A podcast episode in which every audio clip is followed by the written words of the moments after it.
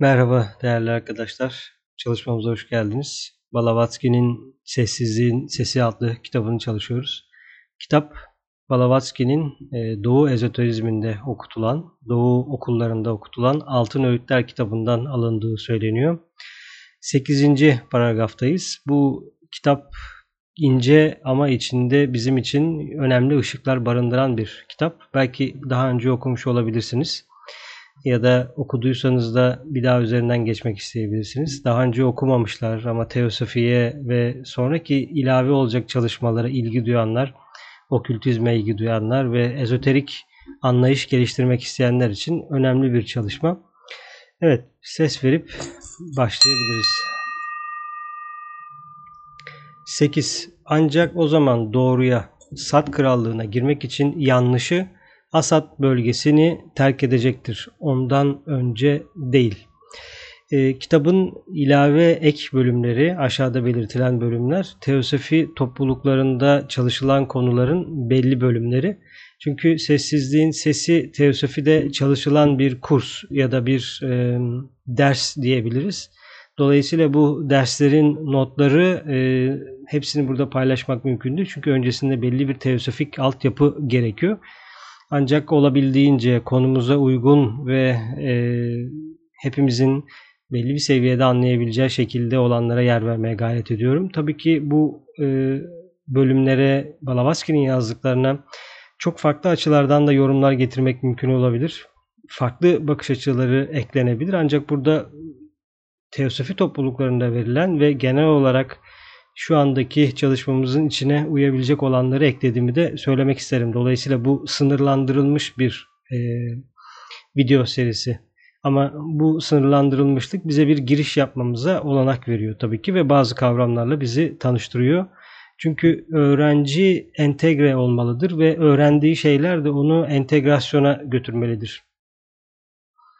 Malavaski'nin bu bilgileri kendisi yazmadığını, dolayısıyla hayatının dönüm noktası olan öğretmenleriyle ya da üstadlarıyla tanıştığı bilinir. Onlara bunu yazdıranlar ya da tanıştığı ya da teosofinin kurulmasına destek olan e, öğretmenlerden, üstadlardan bazıları e, Master Kutumi ve Master Moria'dır. Dolayısıyla bilgeliğin izini takip eden öğrenciler olarak yani kaynak nerede, bu bilgiler nereden geliyor bir sonraki adımda ne olacak, neye entegre oluyor diye soru sorduğumuzda e, Master Moria ve Master e, Kutumi'yi takip etmek bizim için önemli bir konu. Çünkü e, birbirine entegre olan bilgilerin bilgilerle ilerlememiz e, daha verimli oluyor. Bu bilgeliğe zaten genel olarak Himalaya bilgeliği ya da Beyaz Kardeşliğin bilgeliği de denilebiliyor bir yerden. O yüzden burada öğrendiklerimiz zin anlayışı genel olarak bizi e, Ali Seybeyli ya da Master DK öğretileriyle de e, bir yere getiriyor tabii ki ama teosofi burada bir giriş niteliğinde olduğunu söylemekte fayda var. Çünkü bu bilgiler e, ilk 1875 gibi giriş yaptılar batıya ama e, sonra üzerine zaten Master DK e, kendi bilgilerini koydu.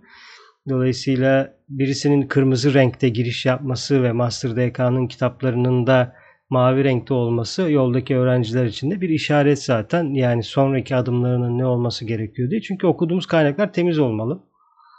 E, bilinen dağıtımlardan olmalı. O yüzden e, bu önemli kitabı çalışmakta ve içindekileri anlamakta fayda var. Evet, asat gerçek olmayan, dayanmayan anlamına gelen Sanskrit bir terimdir. Vicdanın iç sesini duyana ve hayata daha yüksek planların bakış açısından bakabilene kadar Alt planlarda bizi her yönden kuşatan bu tezahür karmaşıklığının altında yatan gerçeği gerçek anlamda kavrayamayız. Evet bu kişilik ışınlarıyla e, gerçekliğin arkası olan yani hareketin ya da formun arkasındaki harekete neden olan e, ruhu anlayamadığımızdan bahsediyor. Şu anda zaten insanların genel durumu da bu. Yani kendilerini kopmuş, tek, yalnız, bağlantısız hissediyorlar bir yerde. Bu ve bu yalnızlık ve bu bağlantıda olmama hali, bu kopukluk hali e, onların psikolojilerini şekillendiriyor ve sosyal ilişkilerini de şekillendiriyor. E, belki de çoğu insan bu yüzden bir araya geliyorlar. Yani bu yalnızlık hissini giderebilmek için e, yalnızlığı hissedilmesinin nedeni de etrafımızda bir bağ kuramayışımız. Çünkü bir kopukluk hali var şu anda. E, gelişimimiz gereği, e, spiral hareketimiz gereği şu anda maddenin en alt seviyesindeyiz. Yani Kali Yuga diye tabir edilen bir alandayız. Bu e, bulunduğumuz alandan tekrar yukarı bir sonraki e, spiraldeki daha yüksek bir noktaya doğru iler, ilerliyoruz. İlerlememiz de gerekiyor çünkü güneş ilerliyor. Dolayısıyla güneşi takip edenler olarak e, biz de ilerliyoruz ve bir şekilde bu spiral yukarı doğru dönmeye devam ediyor. Çünkü bir saat yönünün tersinde hareket var maddeye doğru bir de saat yönünde hareket var. Dolayısıyla birisi maddeye inerken birisi maddeden çıkıyor. Ee, şu an maddeye artık indik. Artık maddeden çıkma aşamasındayız. Zaten en büyük e, savaş diyebileceğimiz şey de şu an yaşanıyor zaten. Çünkü maddeyi o kadar e, geliştirdik ve maddeyle ve tekrarlı eylemlerle e, bir e, hayat kurduk ki materyal güçler ya da materyalizmin anlayışı yükselmemizde e, bayağı bir zorluk çıkartıyor bize. Ya da yükselirken bile o maddesel anlayışla birlikte yükseliyoruz. Yanımıza onu götürmek istiyoruz. Dolayısıyla e, dünyanın aurasından ya da dünyanın yer çekiminden de kurtulamıyoruz bir yerden. Çünkü o maddelerini buraya doğru çekiyor.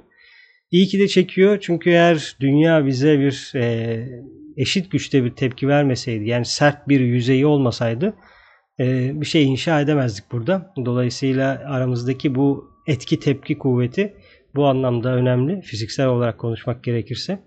Ama e, gelişim yolundakiler gelişim yolundaki öğrenciler olarak da bu etki tepkiyi daha yüksek dünyalara e, adım atabilmemiz gerekiyor.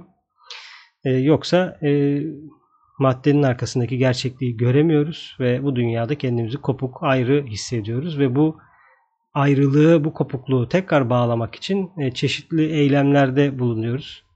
E, işte dinler denilen e, dünyada farklı farklı dinlerin yapmaya çalıştığı şey de insanı tekrar daha yüksek özelliklere bağlaması, daha yüksek spiraldeki özelliklerle şu anımızdaki e, mevcut durumumuzu bağlamak, bir köprü kurmak gibi. Ve bu da tekrarlı eylemlerle oluyor. Yani bir defa yaptım, geçtim diye olmuyor. Bunun da çeşitli sembolizmleri var. Yani işte bu dünyada şunu yapıyorsun, öteki dünyada öyle olacak gibi. Ee, belki o dönem realitesi için bu çalışmış olabilir. Bir şeyi ayırmak gerekiyordu. Yani bu dünya ve öteki dünya diye. Çünkü öteki dünyayı görmediğin için insanları da belki bir çeşit korkutmak gerekebiliyordu. Bak burada bunu yapıyorsun ama orada öyle olacak gibi. Şimdi orası ve burası giderek yakınlaşınca ama ortaya çıkan sonuçta yine bağlanma sorunu olduğu için başka bir şeye ihtiyacımız geliyor. Çünkü maddenin üzerindeki cazibe çok güçlü çalışıyor ve herkes de ihtiyacına ve karmasına göre e, tabii bencilce amaçlar da var. Çünkü maddeyi bencil amaçlar için de kullanıyoruz ki böyle bakıldığında Hidra'nın başları bir türlü yok edilemiyor. Ama Hidra'yı yok eden Herkül de Hidra'yı nasıl yok ettiğini anlatıyor bize. Dolayısıyla Herkül de bir öğrenci. O da görevine başlıyor. Hidra'yı nasıl öldürdüğünü anlat, anlatması ya da o, o görevi çalışmak bizim için belki fikir verebilir. Çünkü şu an Hidra'nın içindeyiz dünya insanlığı olarak ve e, 8'e geldik oturduk orada. Bir sonraki adıma geçmekte zorlanıyoruz. Dolayısıyla materyal güçlerin artık yavaş yavaş yerini daha okült olana, daha görünmeyen olana bırakması gerekecek ama e, güç de bu kadar kolay verilemiyor. Çünkü öyle bir sevgi gelişmiyor, bencillik gelişiyor. Çünkü madde sana içindeki konforu ve kristalize ettiğin gücü verdiği için bunu yeni gelenlere dağıtamıyorsun. Dolayısıyla tekrar maddeyi manipüle etmeye, kendi alanlarında tutmaya devam ediyorsun. E bu zaten üçüncü açısından bakılırsa büyük bir problem. Çünkü akması gereken bir şeyi kristalize ediyorsun. E, yani merkez bankalarının içinde altın dolu. E, altının çıkartılıp orada mı depolanması gerekiyor? Yani altın e, bir mineral krallığının bir öğrencisi. Onun arkadaşlarıyla birlikte gelişmesi gerekiyor. Ya da manevi amaçlar için kullanılması gerekiyor. Ama biz onu manevi amaçlardan kültüre indire indire şu anda da bir alım satım unsuru olarak haline getirdik. Bütün metalleri ya da diğer bütün özellikleri de açıkçası. Sadece metaller girmiyor tabii ki buna. Evet yani insanın etrafını hissetmesi, komşusunu sevebilmesi, hayvanları sevebilmesi, bitkileri sevebilmesi, sevmek derken onların nedenselliğini anlamak ve onları onların gelişimine yardım edebilir halde olmak ve hazırda beklemek. Kimseye müdahale etmek anlamında değil bu. Yani e, sadece şu anda bitki krallığını zehirliyoruz e, ve hiçbir şey sormadan istediğimiz gibi tamamen ticari kaygılarla e, satabildiğimiz şeyi ekiyoruz. Ancak e, çeşitliliğe ihtiyacı olan frekans anlamında dünya anasının e, her tarafını kesip yerine tek tip bir e, tarım uyguluyoruz. E, doğanın kendi kendine olan etkileşimini bozup işte çeşitli hastalıklar, çeşitli verimsizlikler gibi şeyler çıkıyor ortaya. E, DNA'larını değiştiriyoruz. E, evrimsel ışıklarını değiştiriyoruz. Ki bu fiziksel seviyede yaptıklarımız bu arada. Yani mineralleri çıkartıyoruz. Bitkileri e, GDO'sunu değiştiriyoruz ya da işte daha fazla verimli hale gelmesini istiyoruz. E, toprağa zarar veriyoruz. Yani bayağı bir şu an e, zararlı haldeyiz insan varlıkları olarak. Dolayısıyla maddeyi çok fazla deneyimleyince ve maddenin arkasındaki olan şeyi de göremediğimiz için bu maddeye bu kadar girdiğimizden dolayı e, hastalıklar da gelişiyor. Çünkü düşünceler kirlenmeye başlıyor. Düşünceler bencilleşmeye başlıyor. Dolayısıyla bencilce düşündüğün için eninde ya da sonunda madde bu düşünceye tepki vermek zorunda kalıyor. Çünkü sen senin bu düşüncenin bir duygusu var ve bu duygu bir süre sonra kaslarına geçiyor. E, kaslardan kemiğe geçiyor, etiriye geçiyor. Dolayısıyla etrafındaki alan öyle ya da böyle yavaş yavaş daha e, kötücül ya da daha düşük seviyeli hale geliyor. Bu değişik bir konu. Yani günün sonunda dünyadaki 8 milyar insanın ürettiği düşüncelerin madde üzerindeki etkisini fark etmesi. Steiner'ın bununla ilgili değişik bir şeyi vardı. Yani kök ırkların daha önce de söylemiştik herhalde e, konuşmuştum diye hatırlıyorum. E, kök ırkların gelişiminde düşünce formlarının öğrencilerin zihnine tutulması ve bir sonraki e, kök ırktaki Hmm, kişilerin fiziksel ve astral bedenlerinin değişimi. Ee, dolayısıyla bir anlamda da uyanmamak ya da ruha ulaşmamak e, da belki de iyi. Çünkü o güçle birlikte o yaratıcı enerjiyle birlikte negatif düşünmek bizi e, sol ele doğru yaklaştırıyor. Şimdi belki bazıları şey diyebilir yani negatif düşünen bir insan nasıl o seviyeye çıkıyor? O zaman sol eldekiler nasıl e, yaptığı işleri yapabiliyor diye sormak gerekiyor. Yani onlar sokaktaki normal e, okült ya da ezoterik anlamda eğitim almamış normal insanlar değil. Onlar e, okült ve ezoterik eğitimlerine devam eden ve eğitim almış belli bir seviyede insiyeler ve kötülükle uğraşıyorlar. E, kesinlikle onlara cahil diyemeyiz. E, onlar cahil insanlar ya da öğrenciler değil. Onlar akıllı, yasaları bilen, e, neyin ne olduğunu bilen, e, ama negatife çalışan insanlar. E, bu da böyle bir şey. E, merhamet yasası ya da karma açısından bakarsak da sistemin de bir şekilde onlara alan açması gerekiyor. E, bu da büyük bir sorumluluk. Yani bir kişi 2-3 hayatında karanlığa daldı diye e, senden artık bir şey olmaz deyip onu bütün hayatlarını silip tekrar yeni bir enkarnasyona mı zorlamak gerekiyor monatları?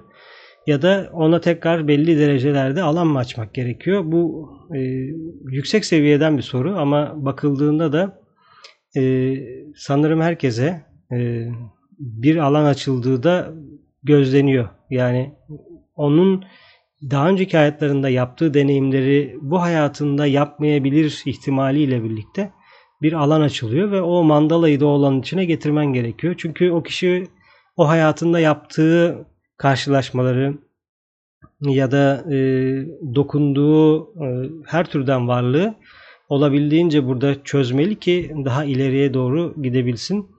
Çünkü öyle ya da böyle e, ilerliyoruz ve bir şekilde madde daha aydınlık, daha parlak hale gelmeye başlıyor ki amaçlardan bir tanesi de sanırım gökyüzünün komple parlak halde olması. Yani kişiliğin altında kaldığımızda, kişilikle yaşadığımızda e, bir üst planın ya da başkaları için çalışan, dışarıya ışık veren e, ruhu ya da Sambokagaya Flower ya da Solar Angel'ı, e, güneş meleğini fark edemediğimiz için bu kişilikte olmak bizi hem hasta yapıyor hem de e, yalnızlık duygusu yaratıyor ve etrafımızda bağ kuramamaya başlıyoruz. Dolayısıyla kişilikten kişilik araçlarını e, güneş meleğiyle entegre etmek gerekiyor. E, en büyük gizem de bu. Bu entegrasyon nasıl olacak? Ne çalışalım? Yoga mı yapalım? Mantra mı söyleyelim? Mum mu yakalım? Ee, hangi öğretiyi çalışalım? Neyi tekrarlayalım? Kendimizi sıkalım mı, sıkmayalım mı? Et yiyelim mi, yemeyelim mi? Süt içelim mi, içmeyelim mi? Gluten mi beslenelim? Ee, ne yapalım? Nefes mi çalışalım? Yani bütün sorular zaten geliyor buraya yığılıyor. O yüzden eğer bu aşamadaysanız çok kritik bir aşama bu. Yani yolu gözlemek, öğretileri gözlemek, kim ne çalışıyor dünyada bunu görmek, kim hangi bilgeliği nereden almış bunu görmek. Bir defa fiziksel bir şey mi? E, işin içinde fiziksel bir şey mi var? Yani fizikselde mi asıl konu?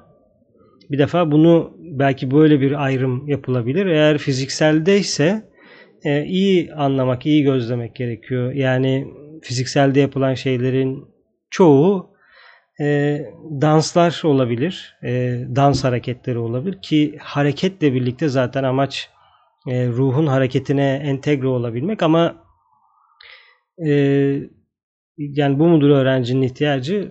E, öğrenci bunu kendisi cevap vermeli. Aynı şekilde hata yoga da öyle. Yoga tarihi de araştırırsak zaten bu tarihi derken Teosofi ve Master Dekan'ın ya da Alice Bailey'nin e, Helena Roy'in kaynaklarından bahsediyorum. Yoga'nın insanlığa verildiği tarihler var. Yani Hatha Yoga'nın verildiği tarihi anlarsak zaten şu anda hangi yoga hangi yoganın içinde olmamız gerektiğini de anlarız. Dolayısıyla fiziksel bir e, fiziksel bir konu mu? E, fizikselde bir şeyler mi var? Dönüyor musun? E, sallanıyor musun? Dans mı ediyorsun? Hoplayıp zıplıyor musun? Gülüyor musun? Ne yapıyorsan ya da çeşitli workshop vari sesler mi kullanılıyor? Ne ne yapılıyorsa bunun içinde pratik uygulamalar mı var? Yoga mı var? Ya da bütün bunların yanındayken bir yaklaşım mı var realiteye, kendini eğitmenle ilgili? Çünkü öğrenci kendi başına bunu kendisi tercih etmeli. O yüzden kısa kısa e, bir şeyler alabiliriz ama yolumuz e, yani belli giriş yolları belli realiteye bakıldığında zaten bir şeyler birbirlerine entegre olarak gidiyor ama bunu keşfetmek, bunu görebilmek önemli. Nasıl yaklaşıyorlar? Nasıl ilerleyeceğiz? Sorumuz bu. Ve hedefimiz de. Böyle böyle bir şeylerle ilerleyebiliriz ve bir e, doğru çalışılması gerekiyor. Doğru meditasyonlar doğru kitapların okunması gerekiyor ama tabii ki karma öğrencinin üzerinde çalıştığı için tırnak içinde belki de doğru ve yanlışlar e, sizin karmanıza göre oluyor. Çünkü e, açılması gereken, temizlenmesi gereken bir şeyler varsa hayır bunun doğrusu yanlışı bu demek kimseye düşmüyor zaten. O yüzden eğer siz e, Ortodoks astroloji ile ilgileniyorsanız Ortodoks, Ortodoks astroloji ile ilgileniyorsunuz. Bu kadar. Yani ezoterik astroloji, tek astroloji deyip e, domine edilecek bir şey yok. Yani şu an ezoterik astroloji ilginizi çekmiyorsa zaten çekmiyordur yani. Ama ruhun astrolojisi nedir? Sebepler neyden kaynaklanıyor? Sonuçları gözleye gözleye bir hal oldum. Kişiliğimin üzerinde şu etkiler oldu, bu etkiler oldu. Aşk hayatım bu oldu, para bu oldu. Bunlar kişilik araçları üzerindeki etkiler. E, ben kişilikten ibaret değilim. Daha yukarıda neler oluyor? Benim amacım daha yukarıdaki parçalarla entegre olmak. Onların burada ifadesine olanak vermek dediğinde e bir süre sonra zaten okuduğun kitapları ya da şeyleri görüyorsun yani. Bu kabalistik astrolojiden de başlıyor. E diğer yere kadar gidiyor. Yani e, bir şeyin etrafında dönmek var. Bir de bir şeye dahil olup onun içindeki dönüşümle birlikte ilerlemek var. Ama bunlar dediğim gibi birazcık e, kişisel karma, kişisel tercih, doğduğunuz yer, doğduğunuz zamanla da ilgili şeyler ama bir şekilde eğer öğrenciyseniz zaten önünüze bazı kitaplar, ilanlar, bazılarının konuşması, ailede birisi gibi fırsatlar oluyordur. Çünkü öğrenciler de bir mandala içine doğuyor. Yani dayınız, amcanız, baba, gelen giden bir misafir, bir kitap, birisinin bir şeye götürmesi bir şekilde öğrencinin hayatında o izler bırakılıyor. Çünkü kimse kimseyi yalnız bırakmıyor aslında ve takip ediliyor bir şekilde. Ya getiren kişi bunun farkında olmasa da bir şekilde zaten o da daha yüksekte başka bir şeyin yardımcısı ya da ona birileri yardım ediyor. O yüzden e, bunu bu fark etmekte e, önem var diyorum eğer bu aşamadaysanız. Zaten bir gelişim yolundaysanız ve grupla çalışıyorsanız zaten bu soruları sormuşsunuzdur diye tahmin ediyorum. Evet bir sonraki slayda geçelim. Evet dokuzuncu kısımdayız. Ruh görmeye muktedir olmadan önce içsel uyum elde edilmelidir ve fiziksel gözler tüm yanılsamalara kör kılınmalıdır. E, Buda'nın da e, Dhammapada'da ya da farklı konuşmalarında bununla ilgili e, değişik e, söylemleri var diyelim. Çünkü e, duyularla algılanabilecek olan şeylerin hiçbirisine kapılmamaktan bahsediyor. Bu e, belki doğuda o dönem için söylenmiş bir söz olabilir ve bunu birçok kişi alıp çilecilik hayatına uygulamış olabilir. İşte Lord Buddha böyle söyledi. Biz hiçbir şekilde görünen dünyanın cazibesine kapılmayacağız ya da bunun arkasındaki olanı göreceğiz. Fiziksel gözler tüm yanılsamalardan e, kör kılınmalıdır diye belki bu öğreti doğuda derine kadar inmiştir ancak batıda bunu nasıl anlamak gerekiyor? Bu bir e, önemli bir konu. Çünkü yani yanılsama varken başka bir şeyi göremiyorsun ama yanılsama içindeyken de aydınlanabiliyorsun bir yerdeyken. Çünkü o zaman hiç aydınlanamamamız gerekiyor. Çünkü sürekli yanılsamanın içindeyiz. Yani sürekli mayaya tabi oluyoruz. Burada sanki bir denge unsuru var gibi. Yani hem mayanın içinde olup mayanın seni kandırdığının farkına varmak ama sonra da mayanın ne işe yaradığını fark etmek, ne kadar etkilendiğini fark etmek ve bunun üzerine yavaş yavaş artık gerçek olanı araştırmak, gerçek olanı koymaya başlamak belki sanki bu kısım için biraz daha mantıklı geliyor. Yani ruh görmeye muktedir olmadan önce uyum elde edilmelidir ve fiziksel gözler yanılsamalara kör kılınmalıdır. Nasıl yapacağız bunu? Bu güçlü bir söylem. E, kendimizi bu oluncaya kadar toplumun içinden çekemeyiz. Dolayısıyla toplumun içinde olduğumuzda da yanılsamaya tabi olacağız. İşte burada bir kişisel uygulama da giriyor işin içine. Bir okuyalım e, teosofi toplulukları bu konuda neler yazmış. Astral, duygusal ve zihinsel bedenler arasında arzular ve zihin arasında sürekli bir gerilim olduğu söylenir. Bu bedenlerin hiçbiri ego, yüksek benlik ile bu teosofik bir terimdir. Uyumlu değildir ve onun aracı olarak hareket etmeye hazır değildir. Ego ya da insan egosu olarak e, tabir edilen şey bazen yanlış anlaşılmaya da neden olabiliyor. Bir e, bazen psikolojide de kullanılan ego kişinin benlikle alakalı olan kısmı genel olarak solar plexus civarı diyafram altındaki merkezin en gelişmiş olanı ben merkeziyle ilintili. Ancak burada e, ifade edilen ego insanın daha üst e, benliği ya da ben olmayan kısmı. Ama bu ego tanımı bazen e, değişik yerlere gittiği için buna Solar Angel ya da Güneş Meleği demek ya da Sambhogakaya çiçeği demek daha anlamlı oluyor ya da daha e, entegreli oluyor. Belki teozofik kültürde o dönemin realitesinde bu bir entegrasyon sağlarken Master DK ile birlikte gelen aşamada artık e, yani ruh kelimesi bize tam o anlamı vermiyor. Çünkü bu kelimeyi bayağı bir kirlettik. Ve okültte kirli anlamlar var bununla ilgili. O yüzden Sambokagaya çiçeği ya da güneş meleği biraz daha e, okült bir anlam sağlıyor bu kavram için. Ancak hepsinin bulunduğu yer aynı. Zaten biz e, çok boyutlu insan varlığını çalışmaya başladıkça ruh nerede, e, üzerindeki spiritüel üçlü nerede, insan monatları nerede duruyor, fiziksel beden nerede bunu görmeye başlıyoruz açıkçası. Dolayısıyla bu ayrımı yapmak da e, astrali ayırmak, fizikseli ayırmak, zihinseli ayırmak, egonun bu enkarnasyonlarda neyi yaptığını da keşfetmemize olanak veriyor. Çünkü amaç egonun kendini alt üçlüde ifade edebilir hale getirmesi.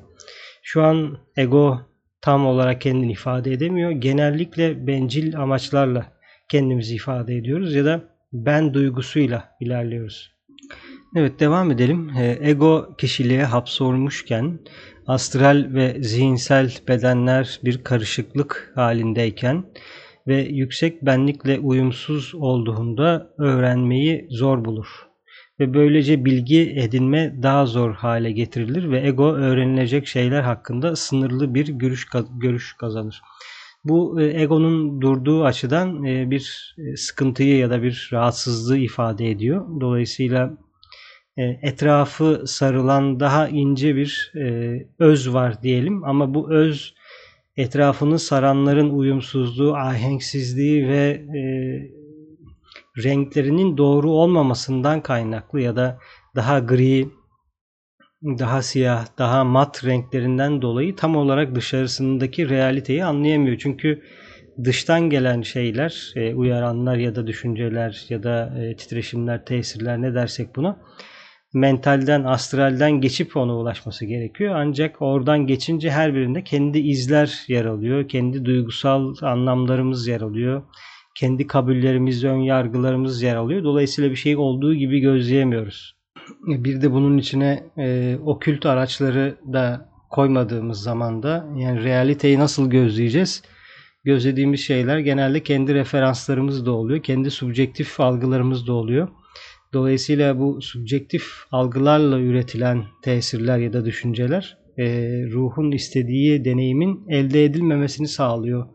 Burada yazılana göre. Bu da değişik bir e, sorumluluk öğrenci açısından. Çünkü sen buraya geliş amacın ruhun deneyimleriyle birlikte hizmet etmek. Ama e, sadece bu kadar olması, bu kadar güçlü benlik ürettiğimiz e, dönemde, çünkü eğitimlerde de zaten böyle e, anlatılıyor. İşte senin düşüncen, senin araban, nasıl yemek istiyorsan, nasıl içmek istiyorsan, istediğin gibi giyin, özgürsün, istediğin gibi ye, şunu yap, burada özgürsün, bunu yap, burada özgürsün. Birçok özgürlük tanımlanıyor ya da sınavlarda yarışıyoruz. Ben birinci oldum, sen ikinci oldun, sen kaybettin, ben kazandım. Kazanan duygusu, kaybeden duygusu, değerlilik duygusu, değersizlik duygusu. E, dolayısıyla bu e, sonunda yaratılan şey güçlü benlikler oluyor. Dolayısıyla bu kadar güçlü benlikler yaratıldığında da bu benlikler ben olmayanla entegre olamıyorlar. Entegrasyon olamadığında da üretilen ışıklar egoyu beslemiyor. Yüksek egoyu beslemiyor. Ve beslenemeyen ego da e, ya da ruh da kendini fiziksel bedende, mental bedende, astral bedende çeşitli sorunlar olarak gösteriyor. Hastalık olarak gösteriyor, ahenksizlik olarak gösteriyor, huzursuzluk olarak gösteriyor. Bizi farklı farklı aşamalara getiren olarak gösteriyor. Dolayısıyla e, amaç onun ne istediğini kavramak ve nasıl onunla entegre olabilirim anlamak. Bunun için de onun doğasını keşfetmemiz gerekiyor. Işıklarını keşfetmemiz gerekiyor. Yani neyi nasıl istiyor, ne şekilde yapıyor. Bunun önünde e, nasıl bir aşama duruyor, ben neredeyim, aramızdaki etkileşim nasıl oluyor. Zaten bunları genel olarak keşfetmek e, bir hayat yolculuğu. Çünkü e, bu hayat e, süreksiz bir hayat değil, bir süreklilik söz konusu. Ancak o kadar değişik şekillerde öğretiyoruz ki ya da öğreniyoruz ki bazı şeyleri sanki bir süreksizlik varmış gibi. Yani ölünce ağlıyoruz, doğunca seviniyoruz ya da e, bir bir bir şey uğurluyoruz. Sonra bir daha geri gelmeyecekmiş gibi yapıyoruz. Ancak e, daha yüksek bir aşamadan bakıldığında birer ruh ünitesiysek ya da monatsak, insan monatları olarak buraya gelip gidiyorsak o zaman ben bir şey doğuramıyorum. Çünkü doğurduğum şey de bir monat. Annem babam da bir monat.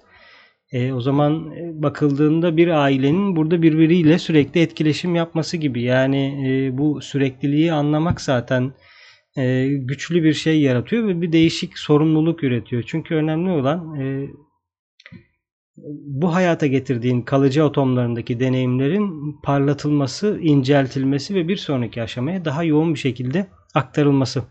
Evet değerli arkadaşlar 9. E, bölümde kaldık. Çalışmaya katıldığınız için teşekkürler.